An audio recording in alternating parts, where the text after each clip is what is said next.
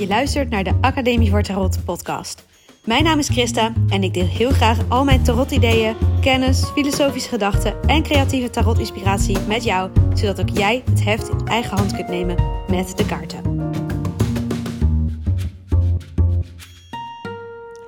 Welkom, welkom. Leuk dat je weer luistert.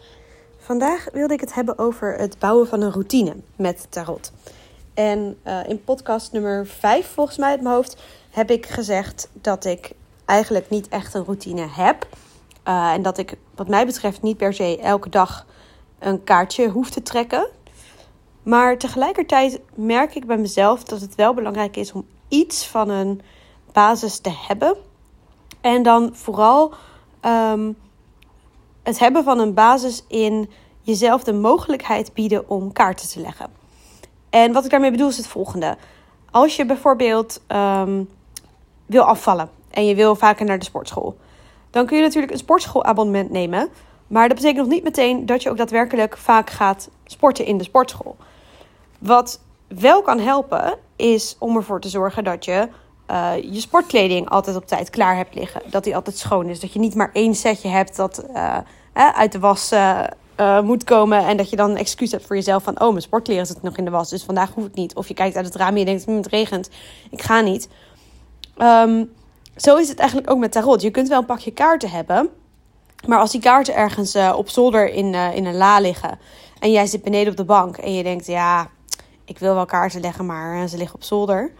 En dit klinkt misschien heel suf, maar zo werkt het voor mij daadwerkelijk wel. Dat ik soms denk, oh ja, maar het ligt ver weg. Of, of weet je, je hebt voor jezelf een excuus van, oké, maar ik moet eerst mijn bureau opruimen. Of, um, nou ja, zo, je kunt van die verschillende dingen hebben. En zelfs al vind je het leuk wat je doet. Want kijk, bij de sportschool, dus de vergelijking gaat niet helemaal op. Want sportschool vinden veel mensen vaak gewoon niet leuk. Dus die nemen dan een abonnement op de sportschool. Terwijl ze eigenlijk geen zin hebben om dat te gaan doen. Dan kunnen ze beter een sport vinden die bij ze past. Dit is anders. Tarot, uh, als je al weet dat het bij je past, weet je, dan weet je al dat je er tijd voor wil maken. En toch, als je de omstandigheden niet zo maakt dat het makkelijk is om even je kaarten te pakken en om even ervoor te gaan zitten, dan kan het zo zijn dat het gewoon niet gebeurt. Of ook als je bijvoorbeeld bij jezelf denkt. Um, kijk, naar de sportschool gaan kan ook bijvoorbeeld voelen als groot. Terwijl in je woonkamer een paar squats doen veel kleiner is. En dat kun je ook hebben met tarot. Dat je denkt, ja, ik heb geen tijd voor het Keltisch kruis hè, met tien kaarten. Nee, maar misschien heb je wel tijd om één kaartje te trekken of om er drie te trekken of zo. Hè? Je hoeft niet altijd een uur ervoor uit te trekken. Je kunt ook wel eens gewoon tien minuten over hebben en denk ik trek een kaartje. Maar dan moet je wel uh, ten eerste die omstandigheden voor jezelf creëren. Dat je dus je kaarten bij de hand hebt op het moment dat je denkt, oh, nu heb ik eventjes tijd. En jezelf ook dat gunnen. Dat je dus ook weet van, oh, weet je, een paar kaartjes trekken is ook genoeg. Ik hoef niet altijd iets groots te doen. En door dat soort dingetjes, door voor jezelf het, je makkelijker, het jezelf makkelijker te maken om uh, je kaarten daadwerkelijk te pakken, vergroot je ook de kans dat je dat gaat doen. En dan heb ik het dus echt over nou, ervoor zorgen dat je kaarten binnen handbereik liggen. Ervoor zorgen dat je een opschrijfboekje ernaast hebt liggen als dat iets is wat je, wat je graag doet. Um, ervoor zorgen dat je een standaard kort legpatroon hebt voor jezelf dat je fijn vindt om te doen. Zodat je altijd weet, oké, als ik 10 minuten heb, kan ik altijd even kort dit doen. Bijvoorbeeld stoppen, starten, doorgaan vind ik een heel fijn legpatroon. Um, maar ook ervoor zorgen dat uh, mensen om je heen weten dat je dit wil doen. Mensen in je huishouden. Dat als jij met je kaarten zit, dat ze je niet moeten storen. Of in elk geval dat ze niet um, eh, met, met iets groots tussendoor moeten komen. Of dat ze jou even vragen van... hey, heb je over 10 minuten weer tijd? Dat jij dan zegt, ja, dan heb ik weer tijd. Het stukje communiceren met je huisgenoten om duidelijk te maken van... hey, dit is iets wat ik doe en als ik ermee bezig ben... dan wil ik wel of niet gestoord worden. Kijk, ik vind het ook niet zo erg als ik in de woonkamer zit... en ik zit kaarten voor mezelf te leggen... en mijn man die zit iets op zijn telefoon te lezen... en die zegt, oh, moet je nou iets horen, bijvoorbeeld. En dan, soms zeg ik dan, oké, wacht even, want ik wil even dit afmaken...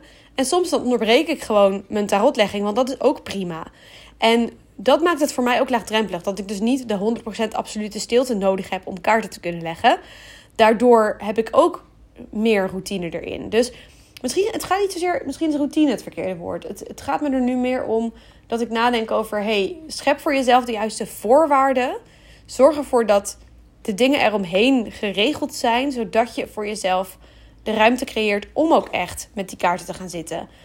Ehm, nou, eerder heb ik het ook gehad over stop ze in je tas. Weet je, zorg ervoor dat je ze bij je hebt. Zodat als de gelegenheid zich voordoet, je ook daadwerkelijk kaarten kunt trekken.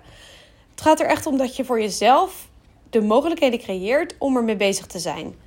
Ehm, ik heb nu bijvoorbeeld uh, een setje kaarten in mijn spelletjeskast. Dat had ik nooit, want ik dacht, ja, het is geen spelletje, dus ik wil het hier niet neerleggen. Maar dat is wel in mijn woonkamer de meest logische plek om een pakje kaarten neer te leggen. En daardoor, ik zie ze ook beter liggen, pak ik ze nu af en toe als ik gewoon even wat tijd over heb en ik zit in de woonkamer. Mijn kind ligt in de box en ik denk, nou, kijk, oké, dat gebeurt heel eerlijk gezegd niet super vaak, want ik moet altijd wel.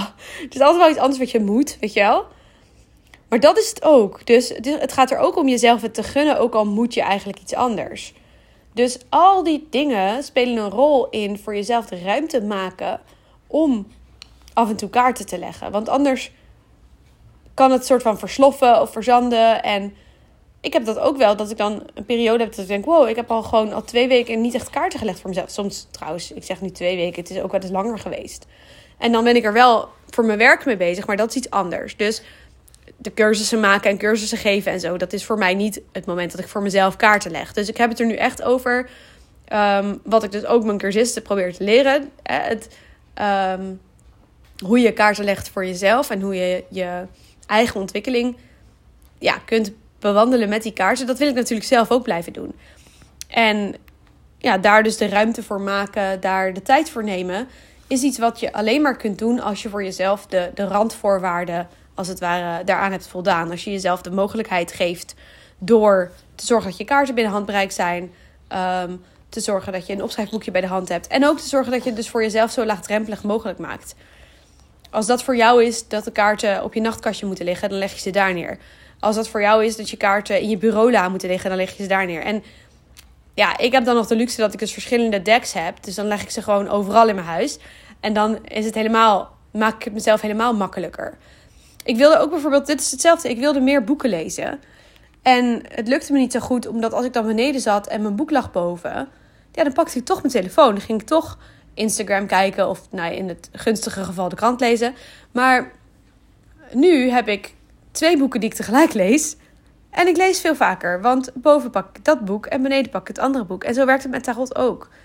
Dus ja, ik denk um, ik zocht nog naar nog meer voorbeelden. Hè? Hoe kan je nog meer het jezelf makkelijker maken?